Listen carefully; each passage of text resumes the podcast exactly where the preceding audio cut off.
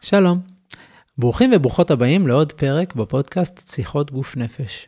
לי קוראים מושיק ליכטנשטיין, אני פסיכותרפיסט גופני התייחסותי מבאר שבע, מנחה מעגלי גברים. והיום יש איתי אורח מאוד מיוחד, רפיק ידידיה. שלום. שלום, תציג את עצמך. אה, בן 53, אה, מומחה לשינוי הרגלים מזיקים ולהוספת הרגלים מטיבים, עד לכדי התמכרויות רכות, כלומר, אני עובד אה, עם כל מיני סוגים של אה, אתגרים אה, נרקוטיים, תזונתיים, שתייה, אלכוהול. למדתי את 12 צעדים, אבל השיטה שלי היא שיטה מאוד רכה, שיטת שינוי הרגלים, שהיא מבוססת על עקרונות מ-12 הצעדים. ואני עף על זה, אני מלמד ועושה פודקאסטים, וכיף לי, כיף לי. ממש, אני כבר שלוש שנים בתוך תדר מאוד מדויק. ברוך השם. אוקיי, אז כמו שאתם uh, מבינים ומבינות, אנחנו בגדול נרצה לדבר היום על uh, שינוי הרגלים. משמיטה של הרגלים מזיקים, אולי רכישה של הרגלים מיטיבים, אבל לאט לאט. Um, ממה נתחיל? אולי, אולי תספר קצת על איך, uh, איך הגעת לזה, או מה אתה עושה היום.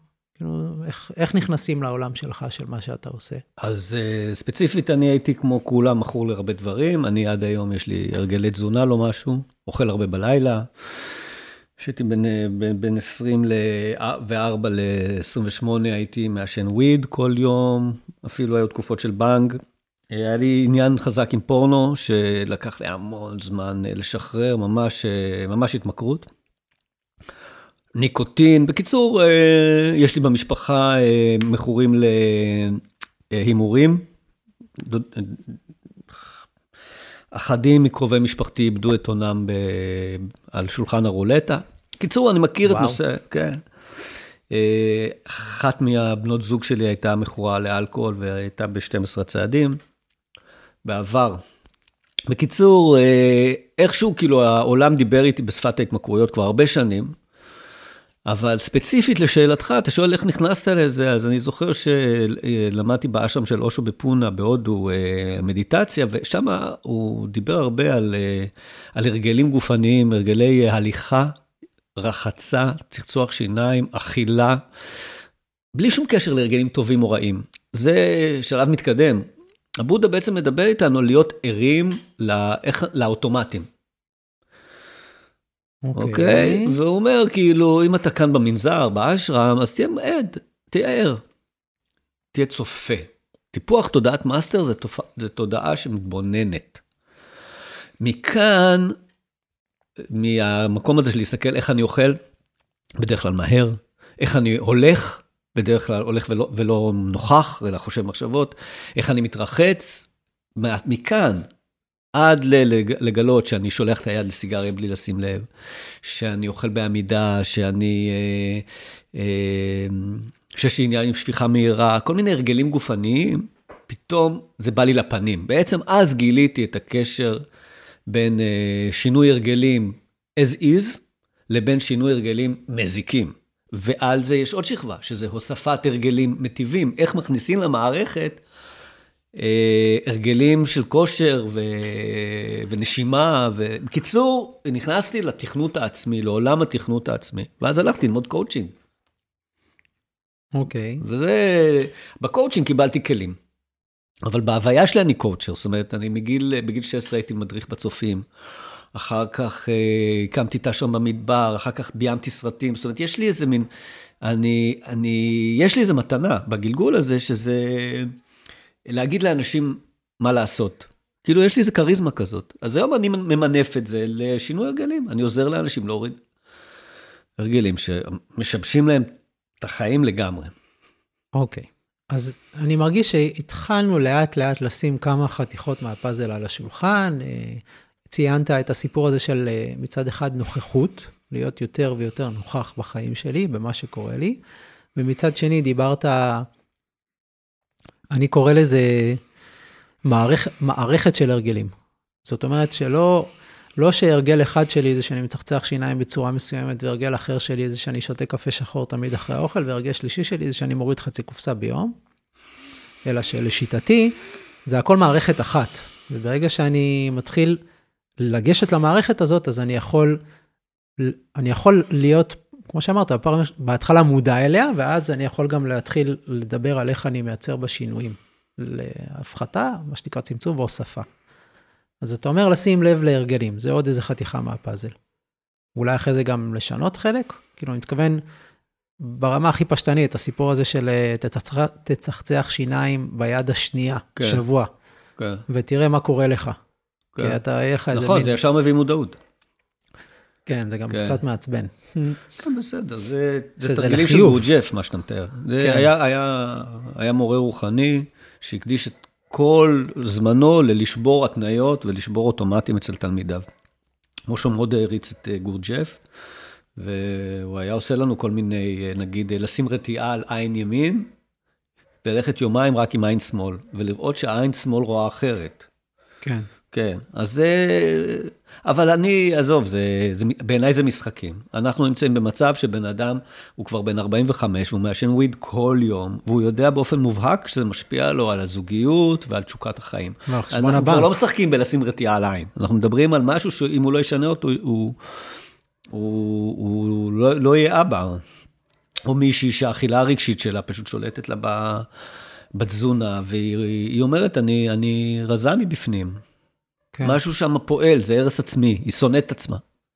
אז שיטת קשת האש, מה שמייחד אותה, זה שהיא עובדת עם כוח הכוונה ולא עם כוח הרצון. כלומר, אנחנו בכלל לא עושים דיאטה. שכאן יש איזה סוגריים שפתחת בלי משים, שאומר, מה, מה רוב האנשים עושים עם ההרגלים המזיקים שלהם? הם נלחמים בהם. נכנסים איתם למאבק. כן. ו... אבל זה הגיוני. אנחנו מתייחסים אל החלק האכלן או המעשן הפנימי או על הפורנוגרף כאויב. ו... כי הוא דופק לי את החיים. ובקשת האש מצביעים על נקודה מאוד אה, לוגית, הגיונית. זה אתה, זה חלק ממך. לא משנה איך נוצרה המפלצת הזאת, היא עדיין גידול פנימי. אם אתה רוצה להקטין את הגידול, עליך קודם כל לחבק אותו. זאת אומרת, הרבה מהעבודה שאני עושה בקשת האש, זה להודות לפורנוגרף, לחבק את האכלנית הרגשית, זה למצוא טכניקות של אה, הפגת המתח, המאבק הפנימי והשנאה העצמית. כי בעצם, אנשים כבר לא מאמינים שהם יצליחו. הוא ניסה להפסיק לעשן וויד אלף פעמים בחיים, וכל פעם זה חזר. אז הוא כבר אין לו אמונה. אבל אז אני אומר לו באופן הגיוני, תשמע, אתה נלחם בו, ואז אתה רוצה שהוא ילך, שברגע שאתה לא רוצה להיות יותר מסטול, אז הוא יעלה מעצמו. הוא לא יעלה מעצמו, כי הוא מרגיש שאתה שונא אותו. בוא, בשיטה דיאלוגית, נחתום איתו הסכם, נעשה איתו חוזה. רגע, שנייה, אתה רץ לי מהר. רגע, ואז בסוף, ואז בחוזה אתה מגדיר כמה זמן אתה רוצה שהוא יצא לדרך. 21 יום, 100 יום. ואתה תופתע לגלות ש... המכור הפנימי משתף פעולה, בגלל שסוף סוף אתה מקיים איתו דיאלוג, אין בעיה, אנשים עושים 21 יום בלי וויד ככה. 21 יום של סאחיות. והם חוזרים. בסוף התהליך הם חוזרים לעשן. אבל אז הם עושים עוד הפסקה, פעם של 100 יום. בוא נגיד הם חוזרים לעשן, אבל הם חוזרים לעשן עם חוויית מסוגלות, חוזרים לעשן עם חוויית הצלחה. פעם ראשונה שיש להם הצלחה, ולמה? כי הם בסך הכל הגדירו תקופת זמן וביקשו רשות מהמעשן. כן. עד היום הם היו זורקים אותו, הם אומרים, נמאס לי. שזה בדיוק ההפך מהמשפט הזה שהרבה יצא לי לשמוע, גם לי יצא להגיד אותו, שאני ממש טוב בלהפסיק לעשן, עשיתי את זה אלף כן, פעם. כן. שזה משפט שהוא בסוף הוא מצביע על כן. איזשהו חוסר ביטחון פנימי, חוסר אמון פנימי. כן. מה אני אומר על עצמי פה כרגע? כן. אז אנחנו בעצם מדברים על הנפש כעל uh, תיאטרון, כפסיכודרמה. יש שם מעשן, יש שם גם סאחי. יש שם אכלנית רגשית, אבל יש שם גם אכלן מודע. הם בעצם, זה תמיד מערכת של כוחות, שברבות הימים מה שקרה זה שאחד נהיה יותר חזק והשני יותר חלש. נגיד הסאחי הוא יחסית חלש, אבל לבן אדם יש לו את האידיאל של הסאחיות, הוא רוצה להיות סאחי. הסאחי עצמו מאוד מאוד קטן. אין לו ניסיון להיות סאחי, הוא כבר מעשן 10 שנים, 15 שנה כל יום, איך? אין לו חוויה של סאחיות, אבל אידיאל של סאחיות יש לו. אז אני אומר לו, בוא, בוא נצא למשחק. ניקח אתגר, אתה מכיר בקווסטים, מי שמשחק משחקי מחשב מכיר את זה, שיש לך בתוך המשחק, יש לך כל מיני יציאות כאלה קטנות, שזה רק לאסוף נקודות. בוא, תאסוף נקודות של סאחיות. תוריד ל-21 יום. ככה אתה נכנס אצלי למנגנון, לא לנצח. כי זה מה שאנשים רוצים, רוצים להפסיק לעשן לנצח. אני אומר, איך תפסיק? 15 שנה של עישון אינטנסיבי. את כל הזמן, התחלנית רגשית גומרת את המקרר בלילה. איך עכשיו פתאום תיכנסי לצום? הרי זה לא הגיוני. פרה פרה. זו שיטה אוהבת, זו שיטה דיאלוגית, זו שיטה רכה. וגם אנחנו מדברים פה, יש כאן איזה מרכיב של אה, להשכין שלום בית. נכון? כי אני, נגיד אני סובל מהתמכרות ואני מתוסכל מזה, וכמו שאתה אומר, אני כבר במצב שאני מבוגר ואני צעיר, די, נגמר, אני לא בן 20, זה לא מצחיק. אז אני בא אליך אדם מסוכסך, נכון? יש... ואז אתה אומר לי, עזוב את ההתמכרות, בוא רגע נעשה שלום. לא, לא כי מפסיקים להיות אויבים, בוא נעשה הודנה בפנים. כן. תפנה אנרגיה. באחד המקומות קראתי אותך כותב על, ה, על הדלק הנפשי, שאדם יש לו איקס דלק אנרגטי לעשות שינוי. ועדיף לעשות את זה מוקדם מאשר מאוחר. כי אם הוא מגיע בדפיציט לערוב ימיו, כבר לא יהיה לו את הכוח לעשות את השינוי, גם אם בכוונה הוא יהיה 100%. כן. אתה מדבר על איזושהי נכון. מסה אנרגטית. כן, כן. כל ההתמכרויות האלה הן אה, פשוט אה, מבזבזות לנו ליבידו, כוח חיים. והכישלון המתמיד אה, פשוט מייאש, ובן אדם אומר, אני לא אכנס לתהליך, כי אני יודע שאני אכשל בו. אבל אז אני אומר לו, אבל ניסית לעשות הסכם, ניסית לעשות הסכם, לחבק את החלק הזה, זה נראה להם לא הגיוני, איך אני אחבק את האכלנית הרגשית? איך אני אחבק את הפורנוגרף שבגללו אני כל היום בבית, מול המסך, לא יוצא לדייטים, כי אין לי כוח מיני, כן. אין לי בחורות, איך אני אחבק אותו? על מה אתה מדבר, מר רפיק ידידיה? ואני, אז אני מספר להם שבודה אמר שאחד היסודות של, של החשיבה הבודהיסטית זה הרעיון הזה של אין אני.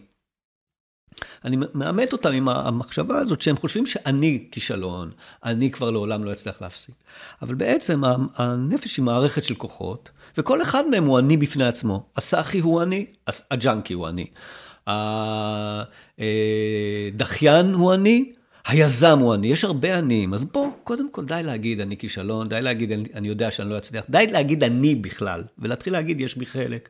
יש בי חלק שמרגיש כישלון, אהלן, יש בי חלק שאיבד תקווה, שלום, זה דיבור צנוע. וגם זה דיבור שפותח אפשרויות חדשות. לגמרי. כי לגמרי. אם אני לבד צריך לעשות כל העסק הזה, אז אין מצב, אבל אם יש כמה חלקים, אז... לגמרי. אז הג'אנקי יושב בפנים והוא שומע כמה אתה שונא אותו. הוא שומע אותך, אומר, הלוואי שלא הייתי מעשן, הלוואי שלא הייתי מתחיל לעשן. הוא שומע שנאה עצמית. איך יקרה מצב שפתאום תבוא אליו ותגיד לו, תלך? כאילו, בזה שאתה אומר, יש בי חלק ששונא את הג'אנקי, הופה, אז הג'אנקי כבר שומע צליל חדש. זה לא אני שונא את הג'אנקי הפנימי, אלא יש בי חלק ששונא אותו, אפילו אפשר להגיד, בסאבטקסט יש בי אפילו חלק שאוהב את הג'אנקי הפנימי. ויש. כי מסתבר שלהרבה מכורים באמת יש חלק סמוי. שנאחז בהתמכרות, זה משרת לו משהו מהילדות, משהו פסיכולוגי. אם כן. לא נאשר את המעשן או את האכלנית הרגשית, לא נגיע לאותו פיצוח, שזה רגע של חמלה, זה רגע שבו אתה באמת מבין שאתה קורבן של נסיבות ו- ורכות ואהבה עצמית משתלטת, ואז אחרי הרגע הזה אפשר להגיד לאכלן הרגשי, אוקיי, אז עכשיו אחרי שהבנו את כל הפסיכודרמה שהיה בבית, ואמא הייתה כזאת, ואבא היה כזה, בוא, עכשיו אפשר 21 יום בלי לאכול בעמידה, בלי נשנושים באמצע יום עבודה, פשוט רק שלוש ארוחות, אפשר? והרבה פעמים שומעים מבפנים, הוא אומר, כן. כן, כי הוא רוצה להיות אהוב, האכלן הרגשי הפנימי רוצה כבר שיפסיקו, לה, הוא רוצה לשרת את המערכת. אוקיי, אז, אז עוד פעם, אני רגע רוצה, אתה כאילו עף בחומר, אני רגע רוצה לעשות את זה קצת יותר בהליכה, אז אתה מדבר על שעוברים דרך איזושהי נקודה שהיא פיצוח בדומה לצעקה הראשונית, שמגיעים לאיזשהו כאב בסיסי. לא, לא צריך, הלוואי. אז מה? הלוואי, כן, עבודה של מה? חשבון נפש. אני קורא לזה חשבון נפש. תסביר. זה חשבון נס... נפש אני מכיר, אבל למה אתה מתכוון? שבנפש יש פלוס ומינוס. אוקיי. ואנחנו מקבעים את המינוס למינוס והפלוס לפלוס. יש לי אג'נדה פרסונה שאומרת, אני נדיב, אני תקשורתי, אני אה, אוהד, אבל בצל יש לי אחד שהוא לא נדיב, לא תקשורתי. אז החשבון נפש זה להתחיל לאזן את הנפש ולהתחיל לדבר על החלקים הלא נדיבים, הלא תקשורתיים, או במקרה של התמכרות, החלקים של ההרס העצמי. להוציא אותם לאור מול עצמי, לא, כן, לא, במה, לא בחוץ. הרבה פעמים אני עושה את העבודה הזאת בקבוצות. כי זה טוב שההוא עם הפורנו ידבר עם ההוא עם, ה... עם הסיגריות. כי מבפנים זה דומה. ושיראו שלשניהם בדיוק. יש איזה מכנה משותף, שזה ביקורת עצמית, שנאה עצמית. ואז בקבוצה הכי טוב לעשות את זה. יש לי גם קורסים של אחד על אחד. נגיד הפורנו, החבר'ה שמוכרים לפורנו, הם לא, לא, לא באים לקבוצות כמעט. הם יותר מדי מתביישים, זו התמכרות אה, מאוד אה, מביכה. אבל אלה של האכילה הרגשית כן יותר באים לקבוצות. אני חושב שזה תמיד טוב להיות בשיירינג ולהיות באיזה מין אה, חברותה. מרחב בטוח, בטח. כן. ואז החשבון נפש, כי לכולם היה אימא שדחפה אוכל. לכולם היה אה, מישהו בבית ספר שעשה עליהם חרם. זאת אומרת, יש כמה חוויות קולקטיביות ש, שפתאום אתה שומע שאתה לא מיוחד. אז היא לקחה את הדפקה שלה לאוכל, ואתה לקחת את זה לאלכוהול. וזה מקום שמתחיל באמת לעשות איזה איזון פנימי, שבו אנחנו מבינים שלעולם לא ניפרד מהחלק הפגוע בנפש. מעניין. לעולם לא ניפגע, אנחנו צריכים לקבל אותו ולנהל איתו את הסכסוך. זאת אומרת, יש איתו סכסוך, זה ברור. שהוא מוצא נחמה בהתמכרות, החלקים הבריאים, המודעים, הרוחניים שלנו, שונאים אותו, כי הם חושבים שבגללו אנחנו לא נהיים מוארים, ואת הסכסוך הזה צריך לנהל. להוריד קצת את החלקים המודעים של הנפש. מודעים אני עושה בגרשיים, כי, כן. כי יש להם אידיאל של מודעות. כן. מודעות אמיתית, מה שאני קורא תודעת master, זה לראות ששניהם, גם הסאחי וגם הג'אנקי, הם... פנים. הם חלקיים. כן. הם אפילו יצרו זה את זה. כן. ואילו ה master יכול, כמו הורה טוב, להגיד לג'אנקי, בוא, בוא, בוא, בוא, אוהבים אותך, בוא, תצטער שעד היום ביקרנו אותך, אני פשוט לא הייתי פה, לא הייתי פה, עכשיו אני פה. והוא אומר גם לסאחי, בוא, בוא, בוא, אתה נורא מגזים עם האידיאלים שלך. אנחנו לא נגיע כנראה למה שאתה רוצה שנהיה. בוא נאשר את מה שקורה עכשיו. בוא נראה. המאסטר הוא תודעה הורית, הוא תודעה מגשרת. היית פעם בגישור? פעם מישהו תבע אותך והלכת לגישור? מגשרים זה, זה אנשים שמצליחים להביא, אתה יודע, ההוא רוצה פיצוי של מיליון שקל, ההוא אומר, אני לא אתן לו גרוש, ובסוף, אחרי יומיים של ישיבות, ההוא נותן לו 50 אלף שקל, וזה מבסוט וזה מבסוט. איך זה קרה, הקסם? איכשהו בדרך של תקשורת מקרבת, ההוא ראה קצת את נקודת המבט של ההוא, וההוא ראה את נקודת המבט, ופתאום התחילו לראות והסכימו להתגשר. אני טוען שמי שעושה דרך של שינוי הרגלים, חייב להיות מגשר בין חלקי נפש מסוכסכים, וזה הרבה עבודה של כתיבה. אני נותן להם תרגילים, ואני נותן להם לראות הרצאות, וזה הרבה עובד על תקשורת מקרבת של מרשל רוזנברג. Mm-hmm. הוא קרא לזה NVC, Non-Violent Communication, בארץ תרגמו את זה לתקשורת מקרבת, כי לא רצו לשים את המילה violent, אלימות, אבל בעיניי זה נכון לקרוא לזה Non-Violent Communication, כי מה שקורה זה שבתוך הנפש הם כל הזמן מתנצחים, והמחיר הנפשי שאתה, האני, משלם, בין זה של שני חלקים רבים, זה מחיר, אנחנו נשחקים מהביקורת העצמית של זה על זה וזה על זה. ובסוף הג'אנקי מנצח, בסוף הוא יותר חזק. קודם כל, דיברת עכשיו וחייכתי הרבה, בגלל שבגלגול קודם הייתי מגשר גירושין. היה לי קליניקה לזה. ואתה באמת מאוד בשפה של הגישור. הסיפור הזה של... אה, ב, כמגשר גירושין, בייחוד לרוב הזוגות יש ילדים, אתה אומר, תקשיבו, אתם אולי נפרדים, אתם לעולם לא תיפרדו אחד מהשני. יש פה, אוהבים להשתמש, אני כבר לא מגשר פעיל, אבל הדיבור הזה של עוד 15 שנה אתה הולך לעמוד לידה בחופה של הילדים. אז מכיוון שהרגע הזה הולך לקרות בוודאות, בוא רגע נדבר על איך אתה מגיע לשם. מקסים. ו- ואתה ממש מחזיק את התמה הזאת של כל החלקים טובים. כן, כן, כי, לג'אנק, כי לסאחי יש בקשה פנימית שה, שהג'אנקי ייעלם ימות. הוא לא יודע איך, הוא רק יודע שאם הג'אנקי ימות, אז אנחנו לא נאכל יותר סוכר, כן. ואנחנו, אבל זה לא יכול לקרות, ואנשים, אתה יודע, שאני אומר להם את זה, כאילו, הם מתעוררים לאיזה אמת ש... שהיא פשוט מאוד נכונה. אתם, שיום אחד ברגע האמת שאתם תלכו לעולם הבא, גם הג'אנקי וגם הסאחי יהיו שם. עכשיו בואו ננהל את העניין. וכאן יש כאן ממש, מה שאתה אומר זה, זה פריצת דרך בשינוי פרדיגמה. אנחנו אומרים לאנשים כאן, רגע, מעל במת הפודקאסט, אם אתה או את סובלים מהתמכרות, בואו תתחילו עם זה, שזה חלק מכם, לא איך אני אה, מרפא את זה, אלא איך אני מתקשר עם זה. כן, אני אפילו אדייק ואומר שההתמכרות היא ביטוי לכאב נפשי.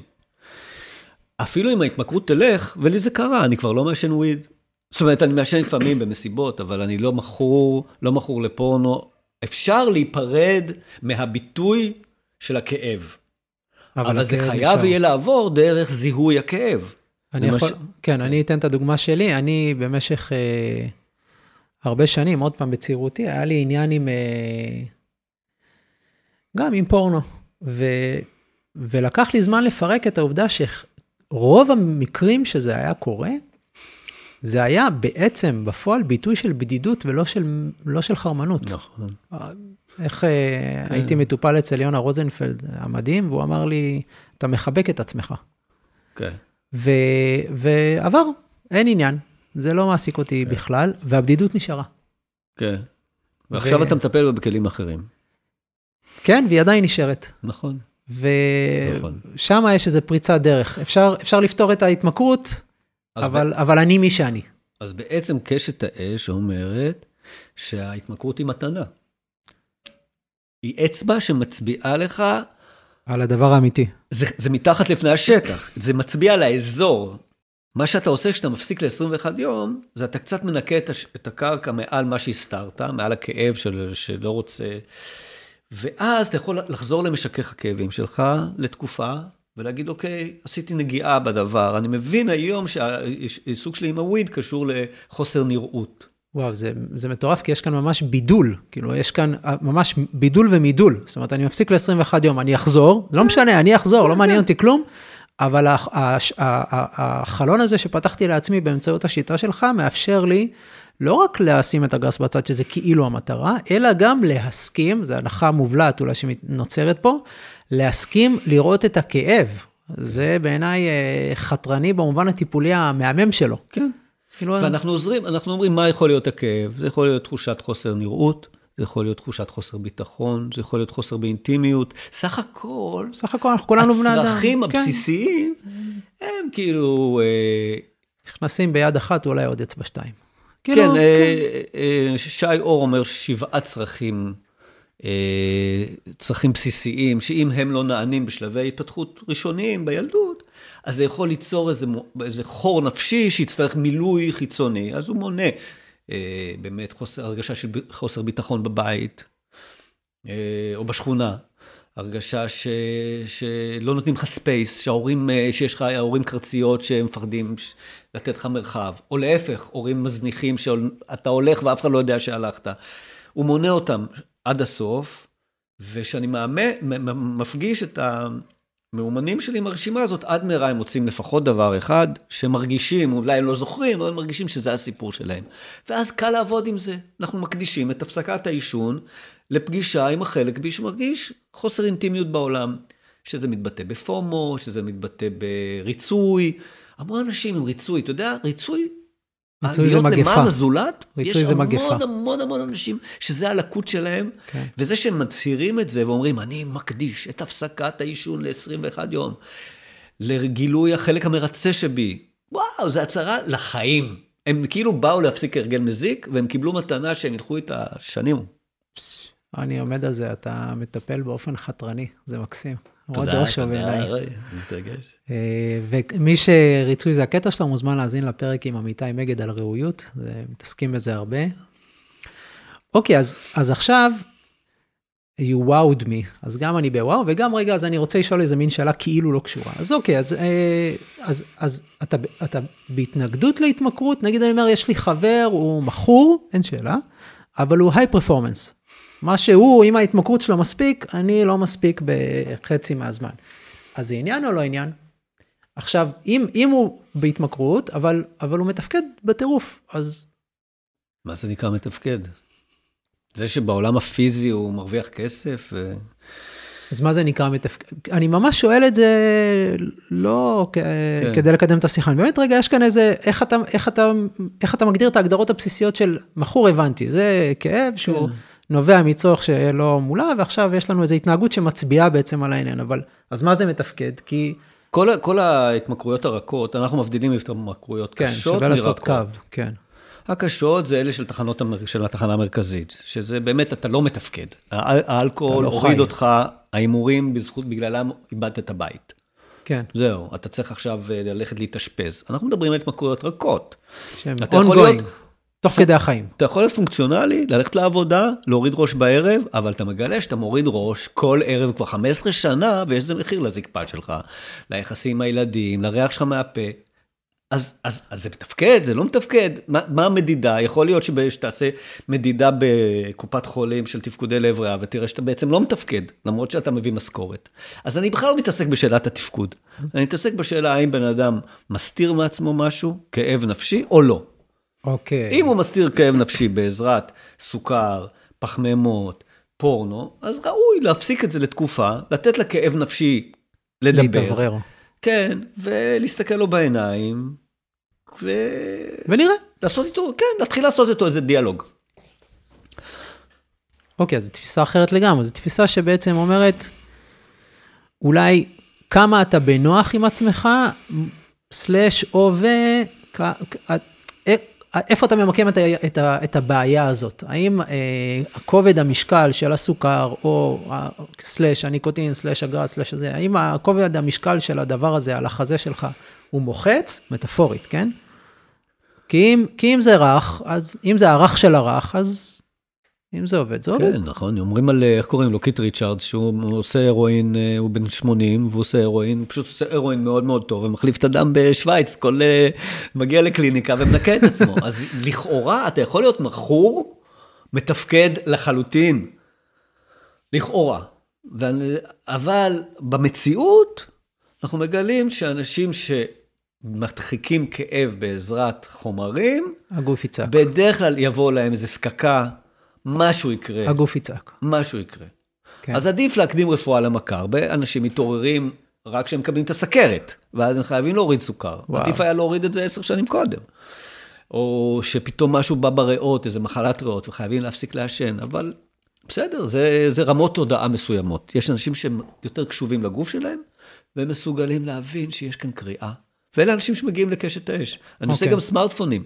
אני עושה גם גמילה מסמארטפונים, כי אפילו שזה כאילו התמכרות רכה מאוד, מאוד לא פונקציונלית, אנושית, אנחנו עובדים בסמארט, עדיין אנחנו מזהים שאנחנו פותחים את הסמארטפון דבר ראשון על הבוקר, סוגרים אותו דבר אחרון בלילה, לא הולכים לשירותים בלי סמארטפון, לא, לא, לא, לא אוכלים, בלי סמארטפון, אה, פתאום בן אדם מתעורר על עצמו, אה, כנראה שיש לי כאן איזה, איזה בריחה ממשהו.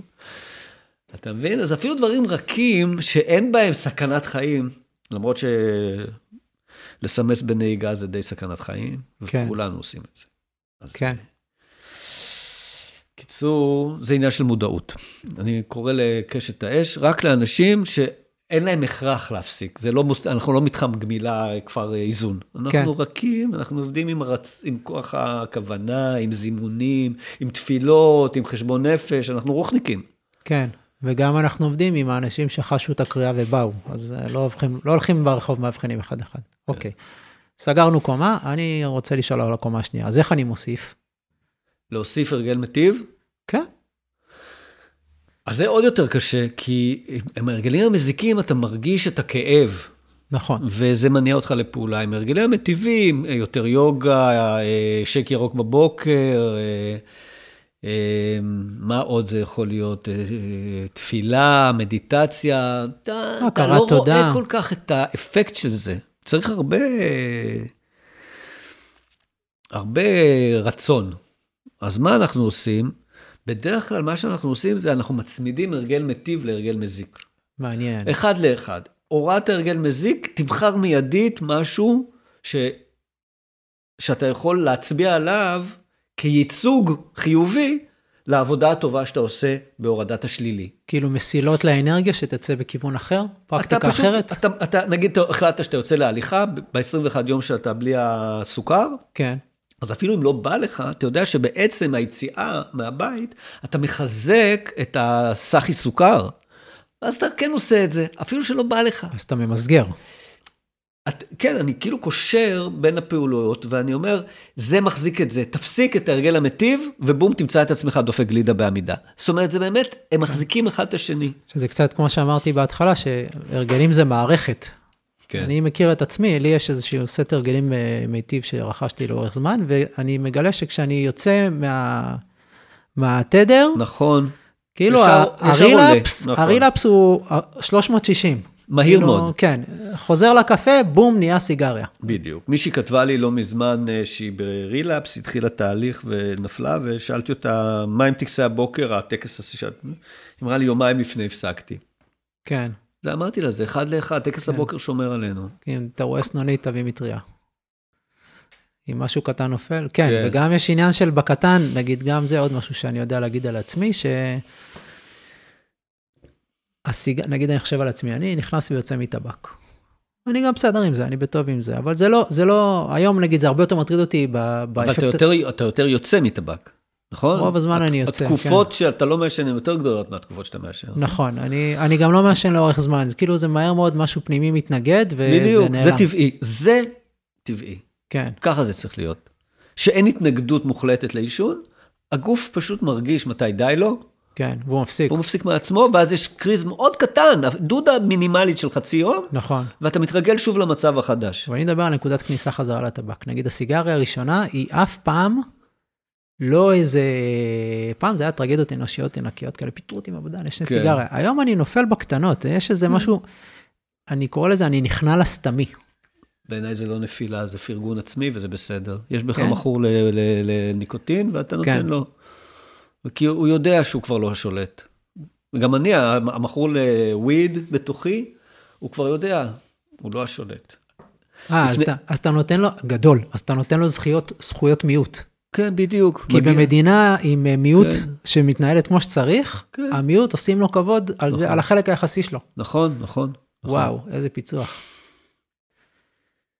ועדיין, על הרגלים מיטיבים, אז אני קושר את זה להרגל מזיק, אבל אם נגיד אני רוצה פשוט לאסוף דברים חיוביים, אני לא כל דבר חיובי יכול עכשיו לקשור לאיזה... לא, דבר. לא, ברור. הטיפ שלי זה אה, כן לקשור את זה לכוונה. כאילו למסגר את זה על איזה משהו. כן, אתה תמיד צריך לדעת, אה, אה, אני נגיד, אה, אוקיי, נספר לך על תהליך שעשיתי עכשיו, עשינו אה, 30 יום detox מסכים. נכון. קבוצה די גדולה, היינו 20 איש, כן, חבר שלי עשה איתך. והם בחרו כל שבוע אתגר, לא להיכנס איתו לשירותים, לסגור, לא- להוריד את האפליקציה של פייסבוק, לבדוק. זה היה כאילו מעבדה ל- כל שבוע לבדוק משהו, אבל בסוף הם היו צריכים להצהיר הצהרה אחת. ולעמוד בה במשך 100 יום. וכולם בחרו משהו, ואני בחרתי לא לגעת בנהיגה. כי אני יודע. שזה מפגר, זה יכול לעלות לי אלף שקל, זה זה יכול לעלות טוב, לי תאונה. אבל קפצת מהצוק, כי זה שלה ביוקר. בקיצור, אבל הייתי צריך לקשור את זה למשהו, וחשבתי, מה זה מייצג, החוסר יכולת שלי לא להגיב ל-SM לוואטסאפ שמגיע? אימפולסיביות.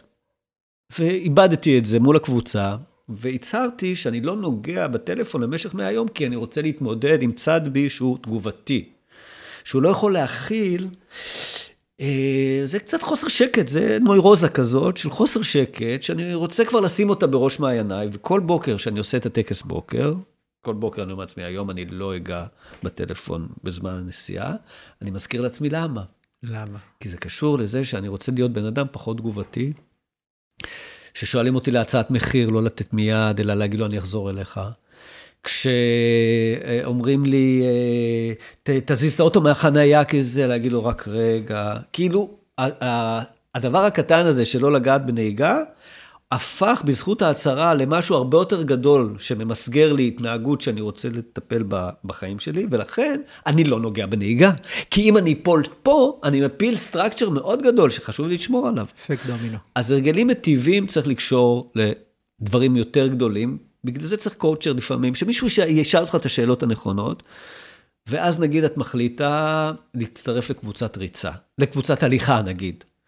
ואת יודעת שלא יבוא לך. עשית את זה אלף פעמים ותמיד בסוף שילמת אבל לא הלכת. אז זאת אומרת, אוקיי. מה ישתנה הפעם? הפעם אני אחבר את זה לרצון התפתחותי שלי שהוא לא קשור לבריאות. למשל, אה, אני רוצה להיות אה, אה, אימא יותר, אה, אימא יותר סבלנית לילדיי, אוקיי? אז כל פעם שאני הולכת, אני אקדיש את הזמן של ההליכה לתכנון, אה, זמני כיף עם הילדים וזה, ו... ואז אה. דבר מחזיק דבר. אתה ממש קושר את זה, ממש קושר את זה אחד לאחד, לא ברמה הערכית של אם אני אז... אה, לא, לא, לא, זה מחזיק את זה, ובשביל זה... בתוצר, בקשר של סיבתיות של תוצר. כן, וזה מחזיק את זה, ואז את לא מפסיקה לצאת, כי את יודעת שאת מחזיקה את היחסים הטובים שלך עם הילדים, ובשביל זה אני אצא. ובשביל זה אני אצא. כי בשביל עצמי לא מחיר בטוח. קטן כן. בשביל היחסים שלי עם הילדים. וואו, כן. איזה פיצוח. יש לך עוד כזה? איזה life hack. זה, זה היה מדהים. אני חושב על עצמי ושחייה, הניסיון להיכנס לשחייה וזה וזה וזה. ובאיזשהו שלב זה וושט כזה, שחייה נעלם. ו, וכן, ו, אבל בפעמים שהיה לי ברור שאני הולך לשחות לא בשביל כן. השחייה, אלא בשביל להשיג משהו אחרי זה, כן. לא חשבתי על זה אפילו. אז למשל שחייה זה משהו שאני התחלתי בשלוש שנים האחרונות, עשיתי TI ואחר כך עברתי לשחות בים, בזה, ואני ממש קושר את חיי הרגש הקצת מאופקים שלי והעולם הרגשי העצור שלי לזה שאני רוצה לעשות בו שיפט, והים מסמל עבורי הסכמה לזרימה, לשפע, לרגשות. ואז כשאני מקיים את מצוות הליכה על הים, אני בעצם מקיים גם איזה עיקרון נפשי של יותר פתיחות רגשית. מדהים. אז בעצם אני חושב ש master, מי שחי חיים של master, כל פעולה שהוא עושה, יש לה, יש לה איזה אפקט רקע יותר גדול ממנה. אז הוא הולך, הוא נמצא במימד הזה, הוא מבשל אוכל, זה לא שאני שם, זה אידיאל, כן? אבל אני כן. קרוב לזה. אני לפחות את התיאוריה יודע, לא תמיד אני... אבל, ובגלל זה הוא לא מביא ביד על פורנו, ובגלל זה הוא לא אוכל יותר, אה, אה, לא יודע מה, junk food. הוא, הוא, master הוא אחד שהוא רואה את ההשלכות, של, שיש לו חיבור של כל פעולה להוויה. ואני מקווה שאני, עם הזמן אני משתכלל בזה, ושאני באמת מלמד את זה אנשים. וזה לא קל, ה mind שלנו מפוזר, אנחנו חושבים על אלף דברים, אנחנו לא זוכרים, אבל בסדר. העיקר להיכנס לדרך, התוצאות יגיעו. וואו, טוב, אני, אני חושב שזאת הסיומת הכי טובה שיכולה להיות, ותודה רבה. היה כיף. ואנחנו גם רוצים להגיד הרבה תודה ליוסי מונסה, שמארח אותנו באולפן המהמם שלו בפרדס חנה, מומלץ בחום. להתראות.